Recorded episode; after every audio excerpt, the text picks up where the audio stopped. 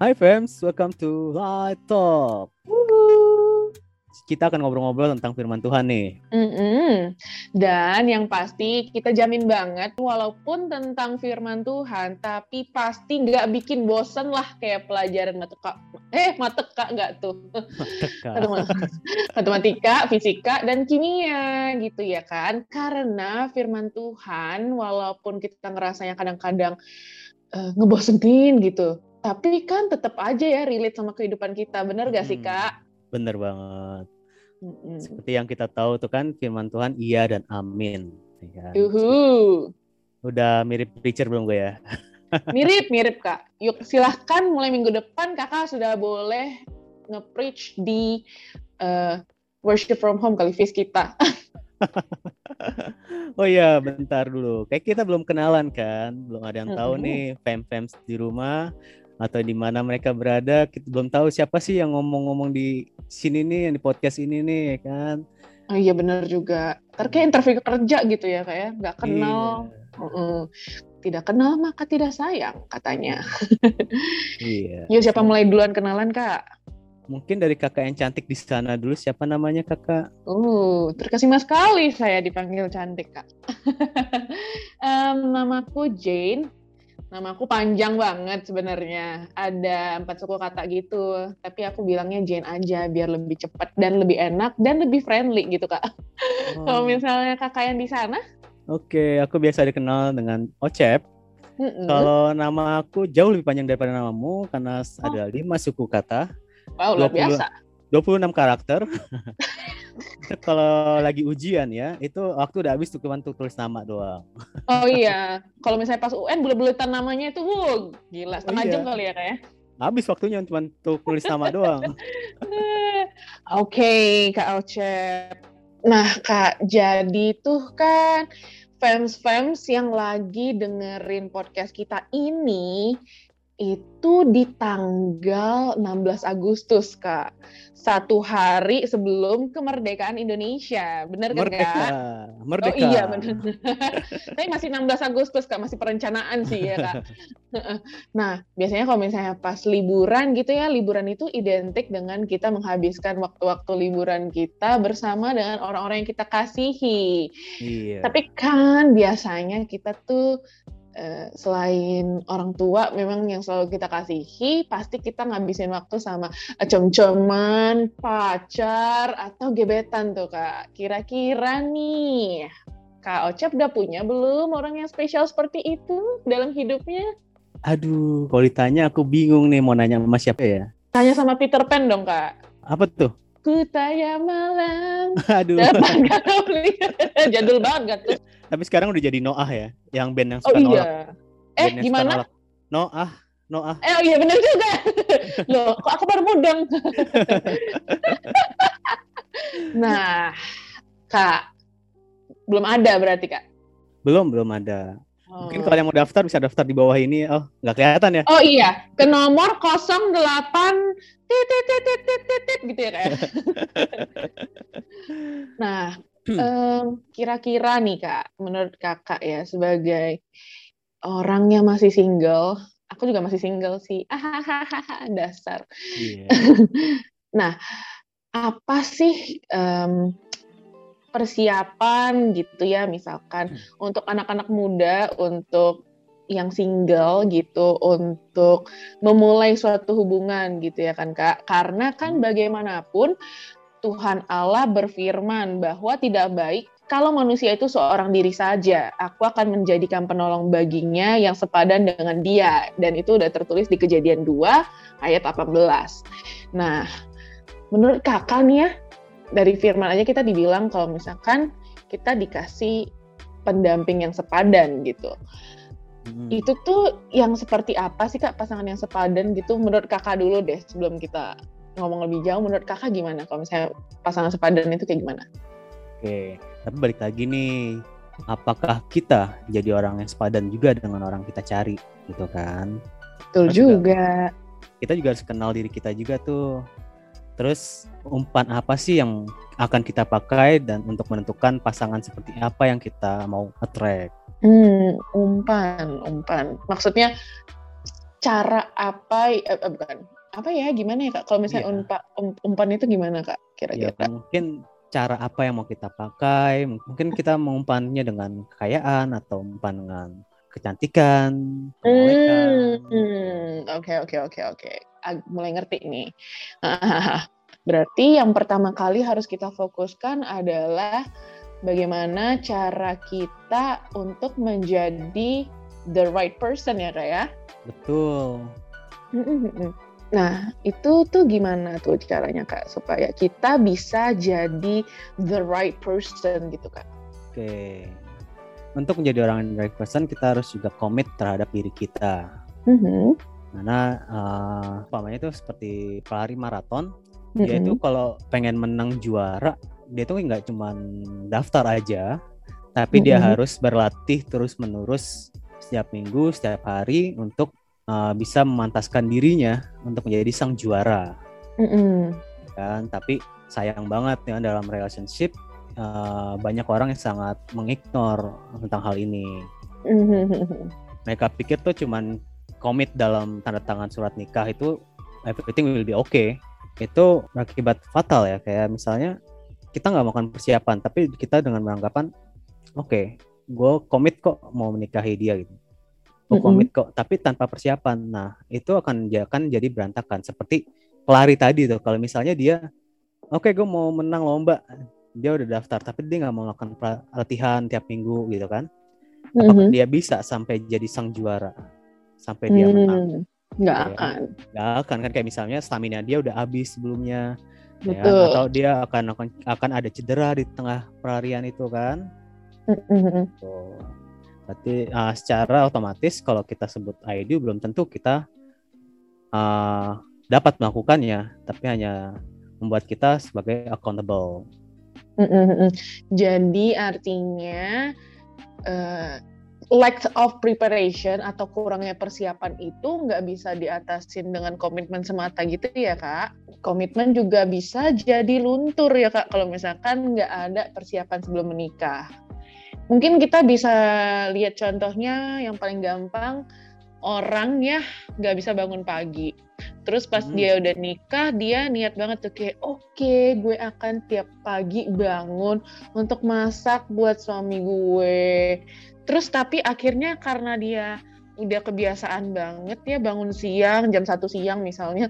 Jadi pas eh, nikah tuh malah jadi culture shock gitu kali ya kayak jadi malahnya dia terbebani gitu Iya, dengan janji dia gitu ya kan kak? Ya dia kayak ngerasa seminggu, dua minggu atau berapa sebulan atau dua bulan itu dia ngerasa it's okay. Tapi kalau dia Mm-mm. uh, kalau nggak benar-benar berkomitmen itu kan dia akan burn out, dia akan capek dan betul betul betul betul. ya itu akan bisa merusak sih sebenarnya. Mm-mm. Makanya makanya dibutuhkan persiapan untuk komit melakukan komitmen. Mm-mm. Nah, yang pastinya sih ya untuk yang single people nih di antara waktu yang sekarang dan ketika kita married, kita itu masih punya waktu ya kan Kak? Benar banget. Tapi kayaknya masalahnya ya banyak orang tuh selalu termotivasi untuk em, ya untuk melaksanakan komitmennya atau mempersiapkan komitmennya itu ketika dia udah berada masuk ke dalam jurang pernikahan yang jelek gitu atau pernikahan yang kurang baik gitu ya kan kak gitu. Jadi sebenarnya sih paling enak waktu masa single ini kita udah sadar oh oke gue harus mempersiapkan diri karena gue ada ya semacam cita-cita atau keinginan untuk menikah. Ya gue dari sekarang lah ya benerin diri benahin diri. Kalau kata anak-anak sekarang memantaskan diri untuk menjadi suami atau istri seseorang gitu.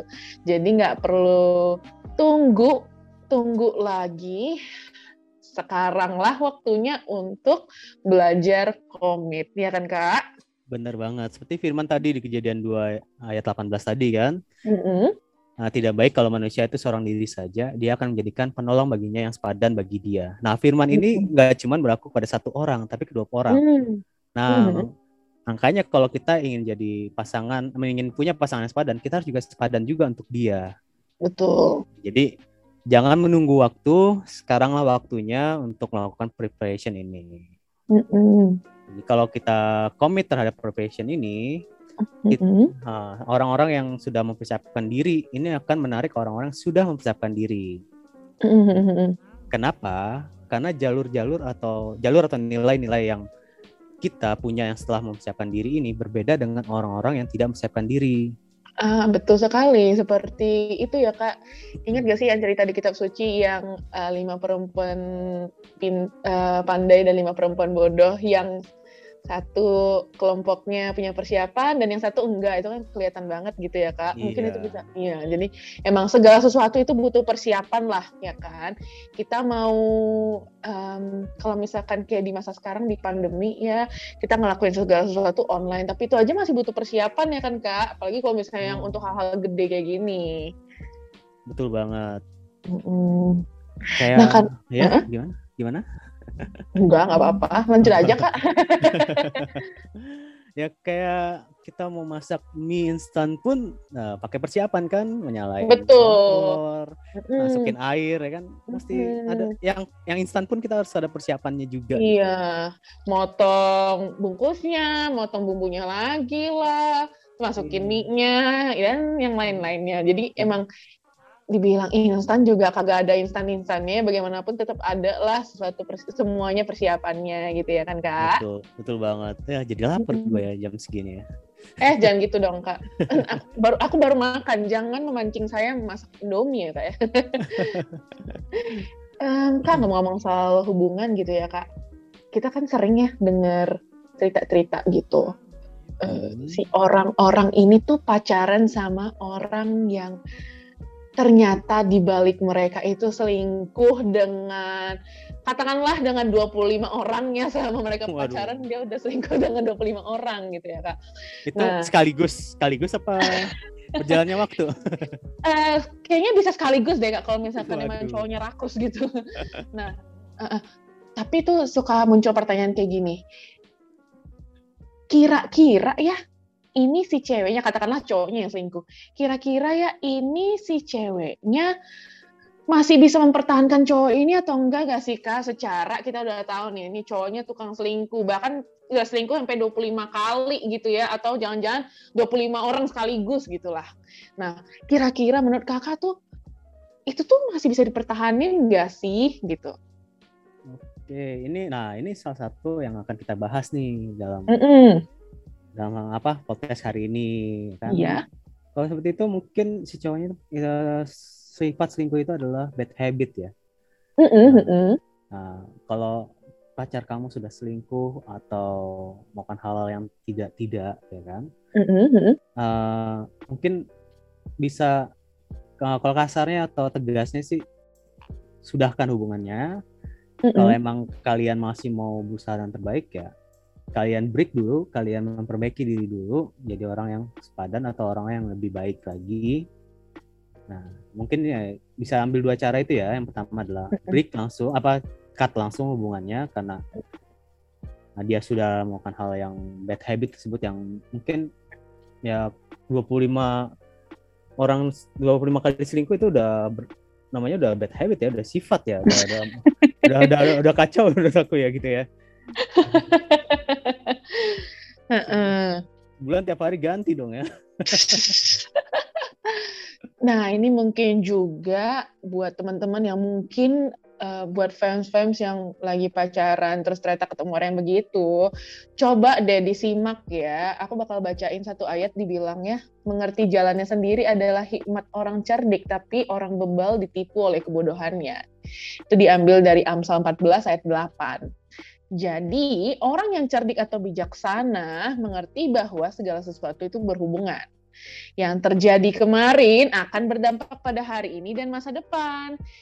Terus orang yang cerdik atau bijak mengerti banget bahwa apa yang dia lakukan hari ini akan berdampak untuk besok dan akan muncul di masa depan. Nah, kalau lah misalnya kayak kayak Kak Ocep kan tadi juga ada bilang ya putusin aja ya. Menurut aku juga sih putusin aja. Tahu nggak kenapa? Jelas-jelas udah dibilang di sini ya. Apa yang terjadi bakal berdampak sampai ke masa depan gitu loh. Bahkan di masa depan tuh belum tentu dia bakal berubah ya kan kak? benar kalau dia nggak melakukan persiapan benar-benar persiapan ini persiapan untuk menjadi orang lebih baik lagi Mm-mm. Mm-mm. Nah, jadi um, buat fans-fans nih ya, coba deh kita agak berubah jadi orang yang cerdik dan bijak gitu loh. Kita harus memperhatikan apa yang dilakukan oleh pasangan kita setiap hari, karena um, kita tahu banget nih bahwa indikator yang terbaik untuk masa depan adalah perilaku di masa sekarang dan masa lalu. Jadi orang cerdik itu selalu mengerti dan menata jalannya, ya kan kak? Betul banget. Bahkan uh, ada ayat juga tertulis di sini orang mm -hmm. bodoh percaya pada setiap perkataan, orang bijaksana bertindak hati-hati. Ini tertulis mm -hmm. dalam Amsal 14 ayat 15. Orang-orang bodoh itu mungkin mikir uh, berdasarkan kebiasaan dia uh, atau habit dia, mm -hmm. ya dia merasa inilah hidup dia, seperti inilah hidup uh -huh. dia, ya kan? mm-hmm. hidup hidup dia itu nggak akan nggak akan berubah mm-hmm. ini akan berubah secara magically wah ya main magic ya nah, ya, ya. ya. kayak tadi yang terus saya juga kan orang bodoh itu percaya pada setiap perkataan nah itu kan perkataan dia pikiran dia itu yang membuat dia menjadi terpuruk karena dia nggak akan hmm. mau melakukan perubahan karena dia merasa ya hidup dia udah jadi kayak gini nggak akan hmm. bisa berubah dia akan mm-hmm. berubah secara magical ya kan secara mujizat dia akan bisa berubah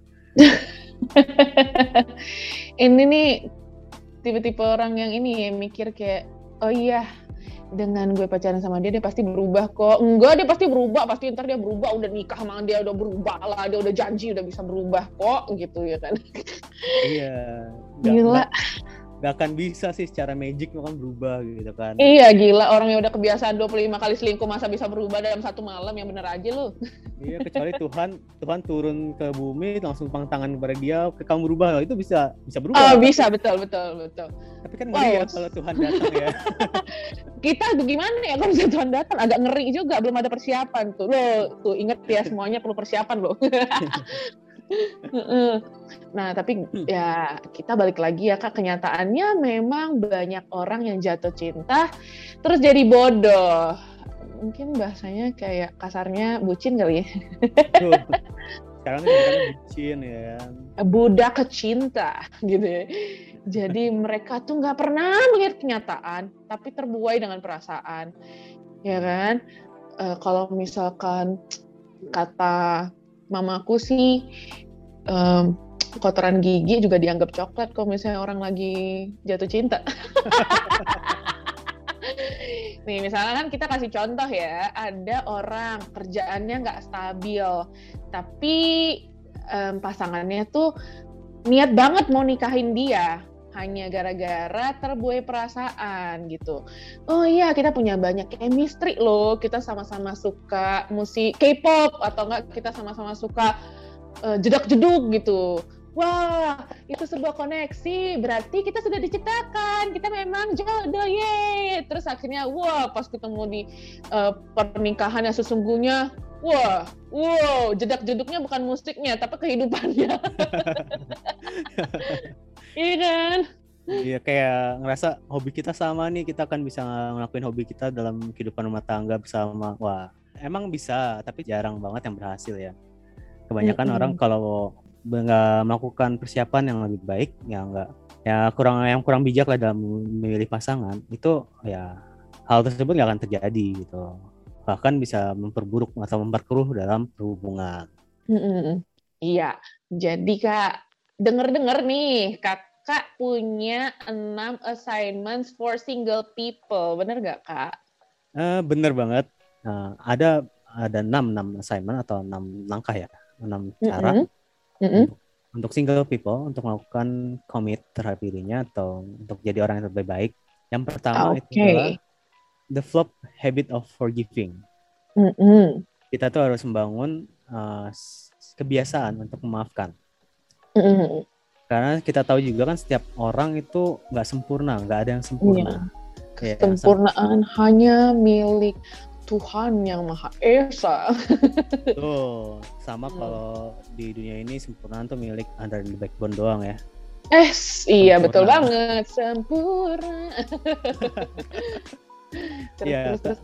Ya karena kita makhluk yang nggak sempurna dalam hubungan pertemanan, hubungan bisnis aja itu pasti ada konflik dan gesekan kan. Mm, mm, mm. Apalagi dalam pernikahan itu yang di mana kita tiap hari ketemu dia lagi dia lagi, bangun tidur ketemu dia lagi, ya kan, pulang kerja Mm-mm. dia lagi. Mm, mm. Mungkin ada hobi atau kebiasaan yang kita nggak suka dari pasangan kita yang bikin kesel ya kan. Ya Mm-mm. kayak misalnya dia suka ngupil atau suka kentut sembarangan kan. Wow.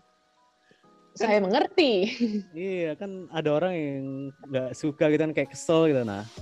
Mm-mm. Itu itu adalah hal sepele ya kan. Mungkin jadi uh, pemicu keributan. Mm-mm. Ya Benar. kita harus bisa dimulai dari sekarang adalah membangun kebiasaan untuk memaafkan. We need to Mm-mm. forgive every day. Iya betul. Karena pun Tuhan menyuruh kita untuk selalu mengampuni ya kan kak. Tuh tujuh tujuh puluh tujuh kali tujuh kali. Ah, iya. Lain. Sekali. Tahu kita semua hafal dengan ayat itu. Dihafal, apakah dikerjakan? Belum tentu. Semoga kita bisa. Amin. Eh, Lanjut kak. Oke, yang kedua di sini ada address your unresolved childhood issues. Mm-mm. Oke, artinya di sini kita tuh harus bisa menyelesaikan masalah-masalah uh, masa kecil kita. Mm-mm. Uh, banyak orang, ya gimana? Ya lanjut dulu kak, nggak apa-apa. Kirain mau ngomong. Oh, belum kak, nanti ada itunya, ada ya kalau kepancing kita ngomong nih.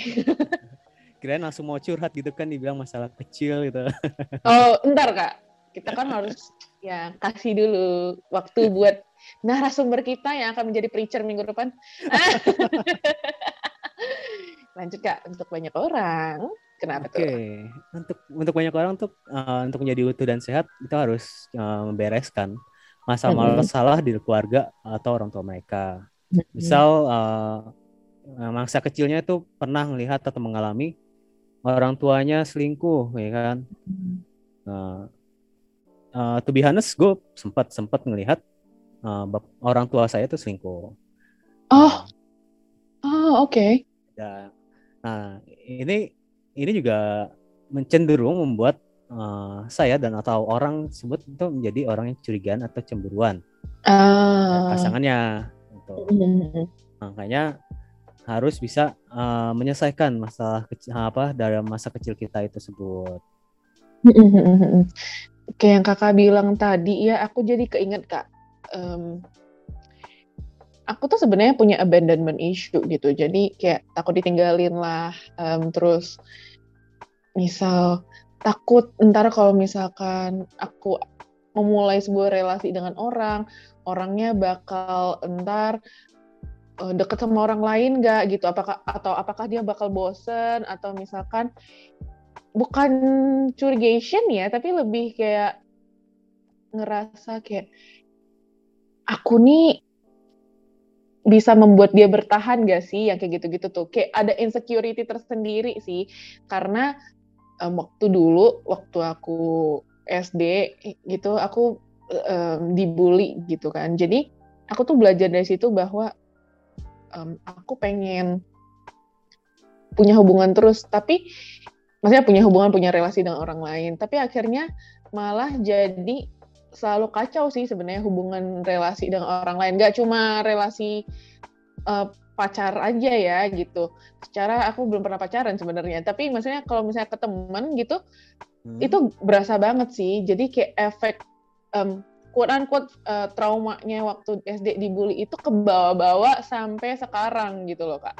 Jadi emang apa ya em, untuk nge-build relationship itu bener-bener kayak jaga-jaga banget gitu. Apalagi ya mohon maaf nih ini kalau misalkan soal cowok ya tahu kan banyak cowok PHP sekarang. Nah aku tuh pernah beberapa kali di PHP-in cowok kak. Jadi lebih kayak lebih jadi lebih was-was banget gitu.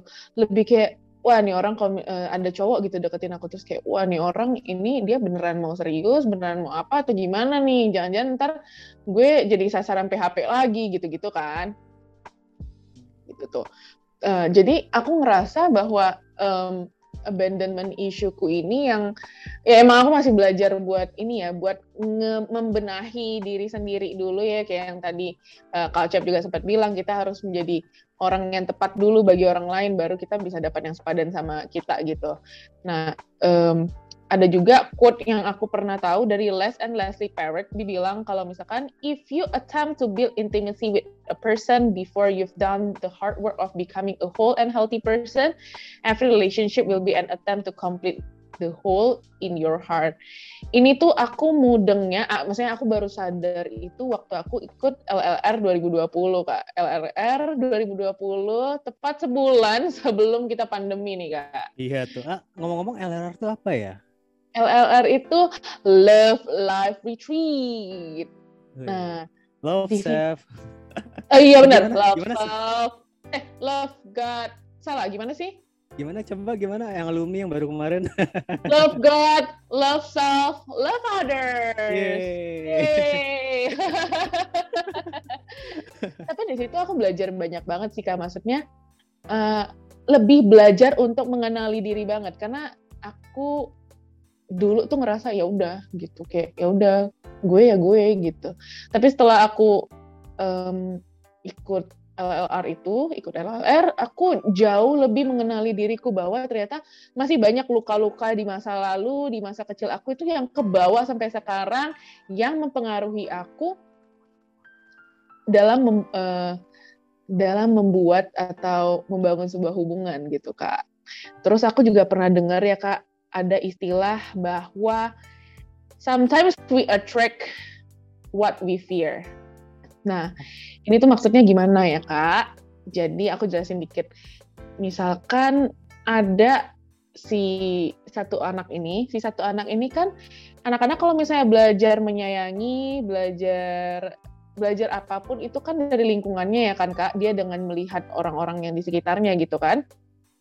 Mm -hmm. yeah, yeah. Nah, um, kadang-kadang kan kita ketemu tuh ya um, anak-anak di mana yang dia itu selalu merasa bahwa dia itu nggak pernah cukup baik gitu. Kayak they feel not being quite good enough gitu. Terus dia merasa ketika dia mencintai seseorang gitu. Misal misalkan ya dia sayang sama orang tuanya. Dia pengen nunjukin kalau misalnya dia sayang sama orang tuanya. Jadi dia nyari segala cara untuk nyenengin orang tuanya gitu. Nah, itu tuh sering kebawa gitu loh, Kak. Sering kebawa ke masa de ke masa dia ketika dewasa gitu. Akhirnya jadi dia jadi people pleaser gitu kan. Ketika dia jadi people pleaser, eh dia ternyata selalu attract pasangan-pasangan yang selalu membuat dia mem mem melakukan hal kayak gitu, melakukan yang kayak dia harus jadi people pleaser, people pleaser, people pleaser kayak gitu. Padahal kan sebenarnya kalau misalkan kita secara logika ya kita dulu, let's say lah kita kan itu kan seperti luka di masa lalu gitu ya. Betul. Kita uh, kita punya luka di masa lalu kayak gitu uh, dengan orang tua kita gitu karena orang tua kita tidak pernah menilai kita itu puas gitu. Dia uh, kita selalu disalah-salahin kita selalu dianggap gak baik kayak gitu.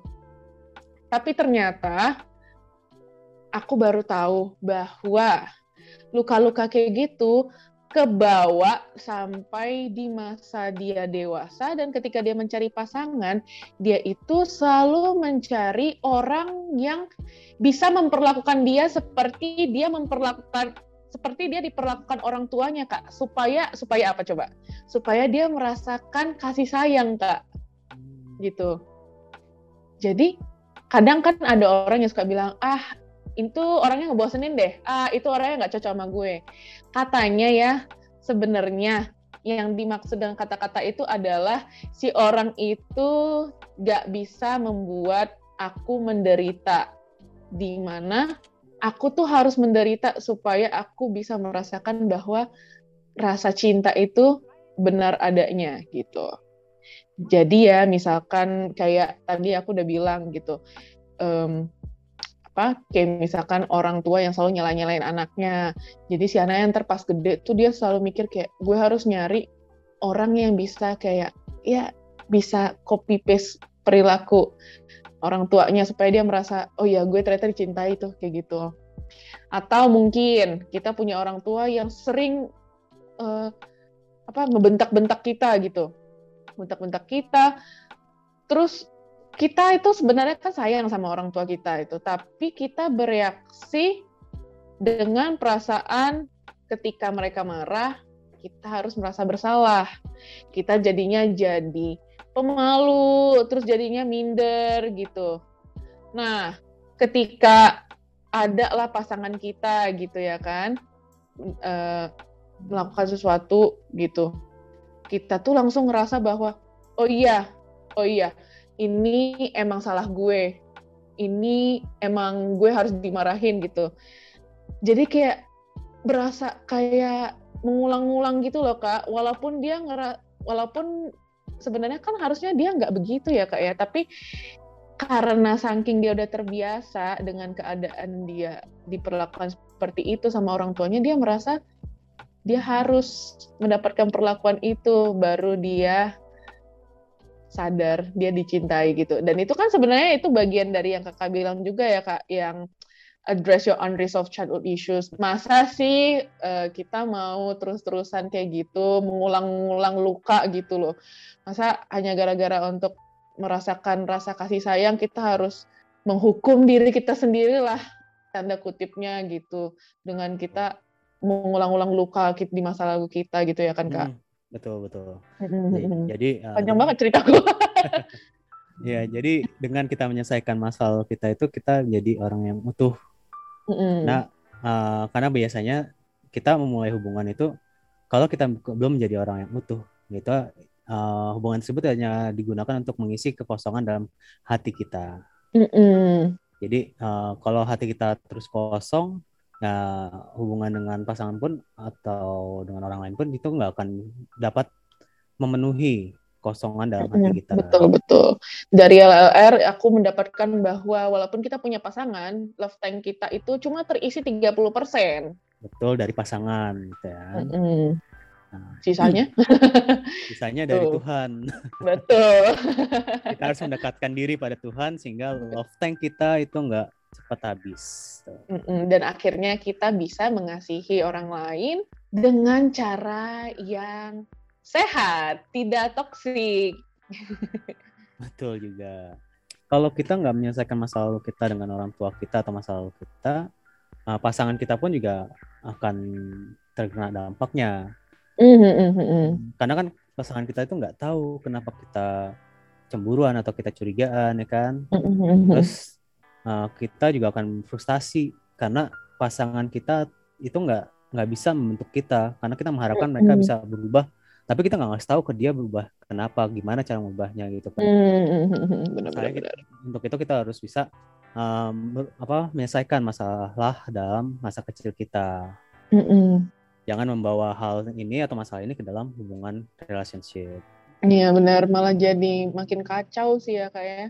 betul banget makanya kata orang selesaikan lukamu dulu barulah kamu mendekati orang lain iya Oke, lanjut kak. Oke, yang ketiga ini untuk para ladies atau mm-hmm. para cantik-cantik pendengar fans kita. Mm-hmm. Di sini uh, don't dress up like a commodity or put up with being treated like one. Mm-hmm. Artinya Maksudnya tuh, gimana tuh kak? Ya artinya jangan uh, memperlakukan diri dirimu itu seperti objek atau komunitas mm-hmm. karena uh, nanti sebagai nanti di pasangannya itu kalau jadi suami itu akan tetap seperti itu akan memperlakukanmu seperti objek seperti mm-hmm. ya seperti yang udah di kita sebutkan di awal ya mm-hmm. umpan umpan apa yang mau dipakai gitu kan jadi biasanya itu umpan ikan itu kan disesuaikan dengan jenis ikan apa yang mau kita tangkap mm-hmm. kan kalau kita ingin metrek orang dengan tubuh kita ya dia mm-hmm. akan dia akan tertarik tapi hanya tertarik pada tubuh kita saja dan hanya menggunakan mm-hmm. tubuh kita saja. Mm-hmm. Jadi um, love-nya itu kayak berdasarkan lust aja gitu ya berdasarkan nafsu doang. Betul. Mm-hmm. Terus mungkin ada banyak banget yang komplain kan semua cowok sama aja ya. Iya brengsek banget kata gitu. iya. Sini sini aku bilang atau gue bilang sih Enggak sih, semua cowok itu enggak sama. Hanya cowok-cowok yang kamu attract sajalah yang sama. Mm-mm. Karena ditarik dengan body ya pasti perlakuan cowok semua sama ya kan kak.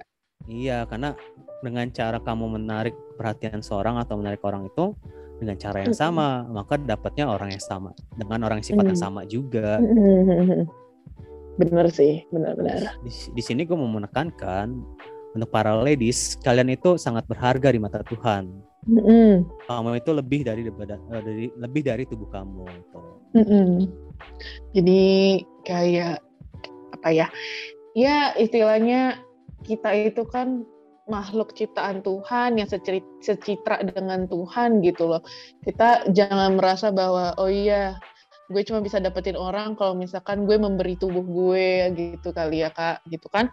Padahal kan sebenarnya apa ya kan ya wanita itu berharga banget lah. Wanita itu jangan diperlakukan sebagai objek dan balik lagi wanitanya juga jangan menawarkan diri seperti objek juga gitu ya kan. Jadi kan orang jadi ya kayak tadi dibilang kepancing gitu ya kan. Ya, betul banget. Mm, Jadi jangan uh, memperlakukan diri kamu sebagai objek juga kalau kamu nggak mau jadi bikin jadi objek gitu. Karena ya balik lagi ya soal fisik mah kalau misalnya udah makin tuir ya fisik mah berubah gitu loh. Ya, Iya. jadi kalau misalnya untuk para wanita, udahlah jangan tawarin diri dengan em, apa? Dengan visualmu, dengan badanmu, dengan hal-hal yang bisa berubah gitu. Tapi lebih menawarkan kesungguhan hati dan em, apa ya bahasanya the pure love you have to others gitu. Kayak lebih lebih apa? Lebih lebih tahan lama lah ya dibandingkan kalau misalnya dengan badan doang gitu. Iya. Meskipun sekarang tuh banyak banyak banget kan treatment-treatment yang bisa buat 10 tahun lebih muda gitu kan. Skincare Korea kali kak. ya tapi Eh, tapi itu kakak kan pakai? mau Kakak mau pakai mau pakai sih belinya di mana ya? Oh iya boleh nanti aku beliin di Shopee ya kak. Aku kasih linknya boleh. Iya, walaupun kita ada treatment pun seperti itu ya namanya juga hukum alam ya yang semua Mm-mm. itu akan yang tua juga akan semakin tua dan sulit banget untuk ditutupi. Tuh.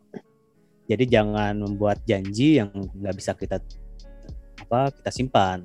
Mm-mm. Tuh. Meskipun Mm-mm. kamu cantik sekarang ya, kamu kan nggak bisa menyimpan janji tersebut akan terus uh, terus cantik terus kan. Pasti kan Mm-mm. akan ada berubah ya. Mungkin yang sekarang dia membangga, uh, ada yang membanggakan diri langsing gitu kan. Mungkin dia nggak bisa terus jaga langsing. Mungkin bisa, tapi kan ada banyak juga orang yang mungkin habis melahirkan akan jadi gemuk ya, karena gen Mm-mm. atau gimana. Nah, itu kan kita nggak bisa Mm. menyimpan janji tersebut tuh. Mm-mm. Aku juga tadi em, sempat kepikiran sih ya soal yang ngomong soal habis melahirkan gitu. Itu kan apa ya cowok tuh kan makhluk visual gitu kak. Kakak sebagai cowok nih, apakah kakak termasuk orang-orang yang melihat dari visual? Aduh, ditanyain. to be to be honest sih ya, aku juga Mhm. namanya cowok gitu kan banyak kan juga dari visual. Hmm. Istilahnya di scan. Pertama emang dari body apa? Dari visual, dari penampilan. Ya kan di scanning, scanning, scanning ya kan. Oke nih cocok ya kan, cantik nih. Nah, Mhm. mulai dari situ dideketin. Nah, dari situ lakukan pengenalan lebih dekat lagi seperti siapa, seperti siapa dia, sikap dia seperti apa, sifat dia Mhm. seperti apa gitu. Nah, dari situ baru Hmm. lebih, lebih lanjut lagi. Nah kak, aku mau kuis singkat dong kak. Kuis, kuis singkat. Aduh, Uh-uh. ada ada kuis ya. Aduh, gak siap. ya. Kakak pilih cantik tapi dia orangnya nyebelin banget atau ini ya pengandaian namanya. Dia cantik banget tapi dia nyebelin banget atau dia jelek banget kagak bisa diubah tapi ya dia baik banget gitu kak. Kakak milihnya apa? Saya milih pulang aja gimana? Baiklah kak, mohon dipikirkan ya kak. Oke, lanjut kak. Oke, yang keempat di sini uh, manage your finance. Mm -mm. Di bagi kita kita yang suka pakai kartu kredit untuk shopping, nah, Mm -mm. apalagi sekarang banyak orang yang karena WFA jadi pindah main game untuk um, apa istilahnya bersosialisasi ya kan. Mm -mm. Nah. Cicilan 0%, beli Iya, TV, apalagi HP. iya, apalagi makin gampang loh semenjak uh, corona ini untuk melakukan Hmm. pengajuan. Nah, Oh ya? kredit cicilan tuh makin gampang banget. Oh, aku baru tahu. Iya, Mari, apalagi saatnya kita beralih. ya jadi uh, bagi orang-orang itu atau fans-fans yang mungkin ada utang kartu kredit di masa singlenya sekarang ini, ayo kita bayar hutang atau tagihan tersebut. Uh, kita bisa keluar dengan cepatnya selama kita masih single. Karena kalau kita buruk dalam finance kita, Mm-mm. Nah, masalah ini tuh akan kebawa dalam pernikahan kita. Nah, mesti diingatkan kalau kita sudah menikah, keuangan itu akan jadi keuangan bersama. Uang suami itu bukan uang suami lagi, tapi uang bersama dan uang istri. Hmm, Uang Eh suami gimana? adalah uang istri. Uang suami ada uang istri ya kan. Oh gitu, baiklah. Lalu, Iya, karena eh, sekarang-sekarang ini juga banyak pernikahan-pernikahan yang jadi masalah, terutama adalah dalam masalah keuangan atau masalah Mm. finansial. Jadi Benar. eh, dalam hubungan pun udah banyak masalah ya. Jadi jangan usah Mhm. ditambah lagi dengan masalah yang nggak perlu, seperti Mhm. masalah finansial, masalah hutang, ya kan? mm-mm. ya itu akan makin memperkeruh uh, hubungan jadi ja, Mm-mm. lebih baik kita se- selama masa single kita harus bisa memperbaiki finansial kita menyelesaikan Mm-mm. semua hutang-hutang kita kita bisa harus memanage uang kita dengan lebih baik dari yang sebelumnya dan semakin baik lagi ke depannya Nah, karena kalau kita menikahi orang yang mungkin juga buruk dalam finansialnya wah nggak nggak kebayangkan itu keuangannya akan jadi seperti apa bener sih kak. Aku jadi keinget satu video TikTok loh kak. Jadi TikToknya itu sebenarnya sih dia cuma lip syncin audio yang udah ada gitu. Jadi audionya isinya gini nih. Tahu kan zaman sekarang itu anak-anak ya, anak-anak muda sekarang ya, apalagi di Twitter aku sering ketemu nih. Cowok-cowok suka bilang, "Eh, nggak ada nih cewek yang mau eh, diajak susah bareng dari nol kayak gitu." Terus kan jawaban ceweknya kan, "Ya, gue aja waktu sama orang tua gue itu dibesarkan dengan baik-baik, nggak ada dikasih nol-nol masa ini ya pas sama lo susah dari nol gitu. Terus pada sibuk gitu kan kayak bilang ya masa kok gak mau bareng-bareng? Kayak gitu. Kan namanya komit-komit kayak gitu-gitu. Terus pada bilang gini eh lo kalau misalkan masih belum mapan gitu atau masih perlu mulai dari nol lu tuh cari kerja bukan pacar-pacaran bukan cinta-cintaan. Susah kok ngajak-ngajak. Susah kok malah cinta-cintaan. Cari kerja dong nih digituin ya gitu. Itu sih aku ngerasa relate banget sih ya. Em, karena pemikiran orang sekarang tuh mikirnya nikah nikah aja gitu. Mereka tuh nggak mikirin kayak yang sampai ke finance gitu padahal kan pernikahan itu untuk mempersiapkannya dari segi fisik, mental, finance, ya kan kak, banyak banget gitu loh yang harus kita perhatiin. Jadi nggak cuma nggak cuma pacaran terus nikah, pacaran terus nikah yang kayak gitu kan. Ya mungkin ada beberapa orang yang nggak memandang finansialnya dia harus mapan, tapi uh, mesti ditekankan ya memang nggak apa-apa untuk nggak mapan, tapi dia harus pintar mengatur keuangannya. Mm-mm. Mungkin dia uh, habis dipecat atau kan atau mungkin dia baru mau merintis, kan dia nggak langsung mapan. Mm-mm. Tapi kalau dia bisa memanage keuangannya itu mungkin dia bisa dia sudah pasti sudah bisa memanage keuangan setelah menikah, Mm-mm. gitu kan? Ya, yang penting sih ini ya mau berusaha dan memang maksudnya mau berusaha untuk eh, bekerja dan memang ya niat gitu untuk Oh. mengatur keuangannya. Jangan cuma lu bilang, iya cari cewek yang mau dari nol, mau dari nol ternyata maksudnya lu malas-malasan di rumah cewek yang nyari kerja, ya dia. gila aja tuh. Itu dia. Mm-mm. Da- dari gitu. ya dari nol mungkin sama-sama berjuang, mungkin sama-sama merintis. Boleh. Tapi Ah. tapi perlu diingat lagi untuk mengaturnya ini harus bagus juga gitu. Bisa Mm-mm. mengatur, bisa mengatur keuangan. Kan mungkin aja kan kalau dia misalnya keturunan orang kaya tapi kalau finansialnya buruk kan juga Iya, berpengaruh juga kan bisa Heeh. habis juga kekayaan Mm-mm. itu kan. kalau dibilang kekayaannya tuh ketu- eh, kai- kekayaannya tujuh turunan, eh sekarang kekayaannya nggak sampai tujuh turunan, satu turunan aja udah habis. Iya ternyata dia turunan ke-8. Nah, ya, mohon maaf. Lanjut kak, yang kelima ada break your ha- bad habits ya kak. Yang tadi kita udah bahas juga sih ya kak. betul banget yang masalah Mm-mm. selingkuh tadi. Nah, itu ada termasuk dalam bad habits.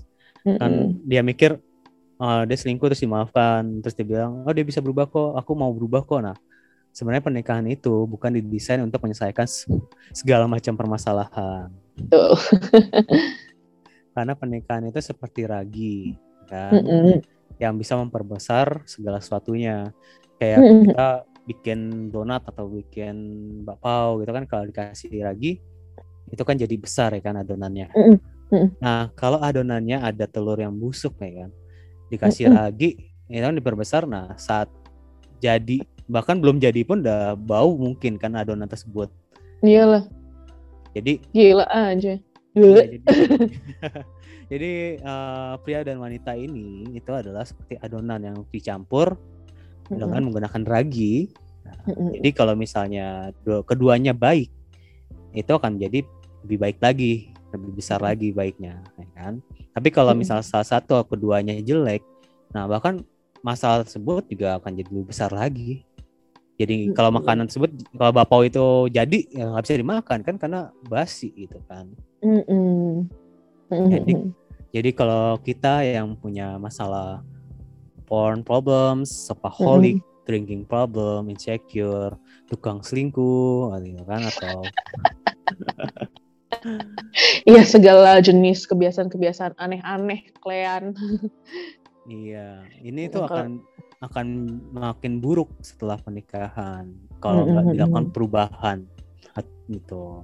Mm-mm. Di- kayak misalkan apa sih ada orang ya yang dia tukang mabok gitu. Terus pas dia udah nikah gitu mungkin di depan istrinya mah dia enggak enggak minum. Eh ternyata karena dia saking stresnya di kerjaan di belakangnya dia minum-minum sampai mabuk-mabuk gimana gimana gitu kan. Itu kan malah jadi memicu ledakan perang rumah tangga kesekian kalinya gitu ya kan kak Iya, karena pernikahan itu udah rumit, jadi jangan dirumitin lagi lah. Eh, betul tuh hidup udah sulit kan kau sulit-sulitin lagi terus ada lagi ya kak kalau nggak salah ini yang terakhir ya kak ya Hmm, apa tuh? Mm-mm. Yo, nanya aku. Oke, postpone the physical elements as long as possible. Yeay, artinya adalah menunda, em, ya sentuhan fisik loh. Kok sentuhan fisik? Maksudnya menunda adanya Hubungan fisik Fi- ya. hubungan fisik sepanjang yang kita bisa. Loh, iya iya. Maksudnya mungkin sampai pernikahan gitu ya, sampai emang udah di masa pernikah udah masuk masa pernikahan tuh baru gitu ya, Kak. Ya udah dinyatakan sah. Mm-mm, betul. Karena tuh ya, Kak, katanya sih physical itu kayak kabut gitu loh. Jadinya kita nggak bisa melihat sesuatu dengan jernih gitu karena eh, penilaian kita itu dikaburkan oleh kontak fisik ini. Jadi kan ada orang yang suka kalau misalkan marah-marah gitu atau gimana. Eh misalkan nih si orangnya kayak udah berlaku yang kurang baik gitu. Terus abis itu dipeluk. Terus kan orang eh, cewek-cewek biasa kalau misalnya dipeluk kan meleleh meleleh meleleh meleleh padahal kan itu kan sebenarnya itu perilaku yang udah dia lakuin itu nggak bener gitu. Tapi kita gara-gara meleleh jadi kayak iya deh yang kayak gitu. Ya kan terus abis itu ada juga ya orang-orang yang ngeluh itu mereka nggak bilang kita seharusnya melakukan kontak fisik secepatnya. Tapi justru mereka banyak banget yang ngeluh, aduh kita terlalu cepat nih ngelakuin kontak fisik gitu. Akhirnya gara-gara kontak fisik yang terlalu cepat jadi dong deh. Terus habis itu self control, pengendalian diri sebelum menikah itu adalah pengendalian diri setelah menikah juga. Jadi pengendalian diri yang telah kita lakukan sebelum menikah itu pasti akan teraplikasikan juga di dalam pernikahan. Karena uh, pengendalian diri adalah sebuah jalan, sebuah pola dan sebuah kebiasaan gitu. Nah, terus cewek dan cowok yang genit, yang binal gitu pas waktu single pasti banget nih ya jauh lebih besar kesempatan mereka, maksudnya atau peluang mereka untuk menjadi orang yang berselingkuh saat menikah. Tuh, klien-klien pasti tidak mau diselingkuhin kan, jadi tolong ya dilihat dong benar-benar pasangannya.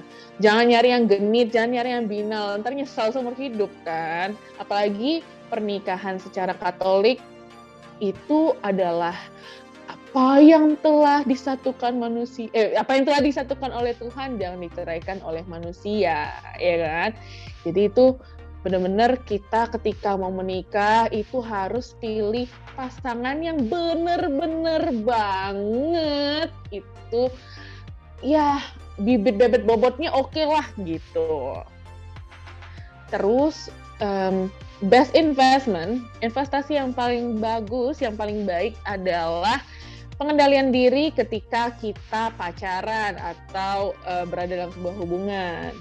Dan juga jangan lupa berpacaranlah atau membangun hubungan dengan seseorang yang juga punya pengendalian diri. Karena balik lagi yang kayak kita udah sebut-sebut di awal bahwa kebiasaan di masa lalu adalah indikator terbaik. Jadi ya kalau misalnya dia sebelum nikah aja udah kegatelan tuh tangannya, ya masa lu ekspektasi dia setelah nikah dia gak, gak gatel? Gak mungkin lah, malah gatelnya lebih-lebih lagi, gatelnya ke seluruh tubuh kali. ya kan? Terus Garuk kalau gatel. Oh iya, pakai kulit durian ya kak. Nah, terus nih yang terakhir, poin terakhir adalah pengendalian diri yang di masa sekarang akan melatih kita untuk pengendalian diri di masa depan. Ya, lanjut kak.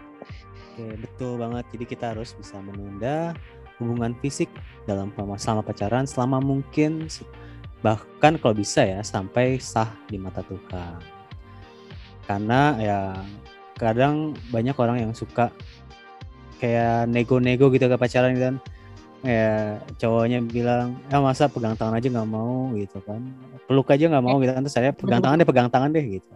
Terus kalau nggak yaudah kait kelingking aja kayak kelingking deh. Terus tuh biasa tuh begitu ya. Aku pernah denger lagu dangdut ya kalau nggak salah. Lo dangdut pula. Ya tapi Betul. liriknya liriknya kira-kira menceritakan seperti itu. Dari tatapan mata mendekat pegangan tangan dari tangan naik ke pergelangan tangan naik lagi ke uh, lengan, naik ke leher, naik ke mana-mana. Uh, tangannya merayap-rayap ke mana-mana tuh. Itu tuh yang selalu menjebak banyak orang. Apalagi kalau misalkan ya si cowoknya bilang, ya masa kalau misalkan kamu nggak mau ngelakuin ini berarti kamu nggak sayang aku lah gitu. Padahal logikanya gila aja mana ada sih orang yang sayang sama orang lain tapi nyuruhnya ngelakuin sesuatu yang nggak bener loh gitu kan. Secara kan uh, aku lupa di uh, Alkitab disebutin di um, kitab yang mana pasal berapa dan ayat berapa. Tapi kan dibilang bahwa tubuh adalah bait suci Allah kita harus kita harus menjaga banget gitu ya kan kak Betul banget. Jadi kalau kita udah melakukan fisikal tersebut, kadang disebut oleh Jin bahwa fisikal itu adalah seperti kabut, ya. Mm-hmm. Jadi kalau seorang udah terjerumus dalam hubungan fisik seperti ini, nah jika ada masalah, nah dia akan mengkabutkan uh, pilihan kita. Gitu. Kayak misalnya sudah terjerumus dalam fisikal fisik, ternyata pasangan kita ini adalah orang yang punya bad temper ya kan yang yang suka marah-marah ya kan yang suka selingkuh nah karena mm-hmm. kita udah melakukan fisikan ini dan akhirnya penilaian kita untuk misalnya untuk mengakhiri atau uh, mensudahi hubungan tersebut nah itu kan terkabur karena dia merasa dia sudah melakukan hal tersebut gitu sudah melakukan kontak fisik ini gitu mm-hmm. Jadi makanya banyak orang terjebak dalam hubungan ini apa hubungan yang gak sehat karena mungkin sudah melakukan kontak fisik gitu Iya benar. Jadi kayak sangat jadi tahan-tahanin lah ya udahlah, ya udahlah dijalanin aja. Gimana ya gue udah begini sama dia, udah begitu sama dia, gue harus gimana lagi? Gue kan kagak bisa keluar dari sini ya begitu-begitu ya kan kak? Betul. Jadi uh, itulah keenam cara untuk uh, bisa menjadi orang yang tepat atau orang yang sepadan. Nah penutupnya apa nih kak? Dari semua itu sebenarnya sudah dirangkum di 1 Korintus 13 ayat 4 sampai 7. Mm.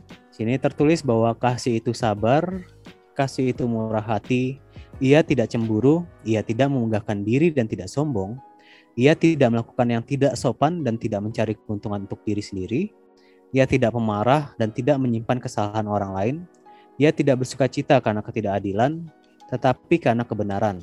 Ia menutupi segala sesuatu, Percaya segala sesuatu, mengharapkan segala sesuatu, sabar menanggung segala sesuatu. Nah, di sini kan udah tertuliskan ya di dalam 1 Korintus 3 ayat 4 sampai 7.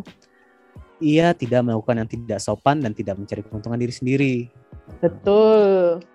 Tertuliskan di sini semuanya. Jadi kalau misalnya seorang punya bad habit dalam pasanganmu yang saat ini mungkin memaksa-maksa kamu untuk melakukan hubungan yang kontak fisik yang berlebihan, Nah, coba direnungkan lagi firman Tuhan ini. Betul. Dan mungkin untuk para fans-fans yang lagi dengerin, coba dipikir-pikir apakah kita sudah mempersiapkan diri untuk bertemu dengan Mr. atau Miss Red kita, ya kan Kak? Karena masa depan kita ditentukan dengan persiapan kita di masa sekarang ini. Betul sekali. Oke, okay. kayaknya podcast kita sampai hari ini dulu ya, bah sampai di sini dulu ya kan kak. Nanti kita ketemu lagi di podcast selanjutnya. Oke, okay, bye bye. Iya, bye bye.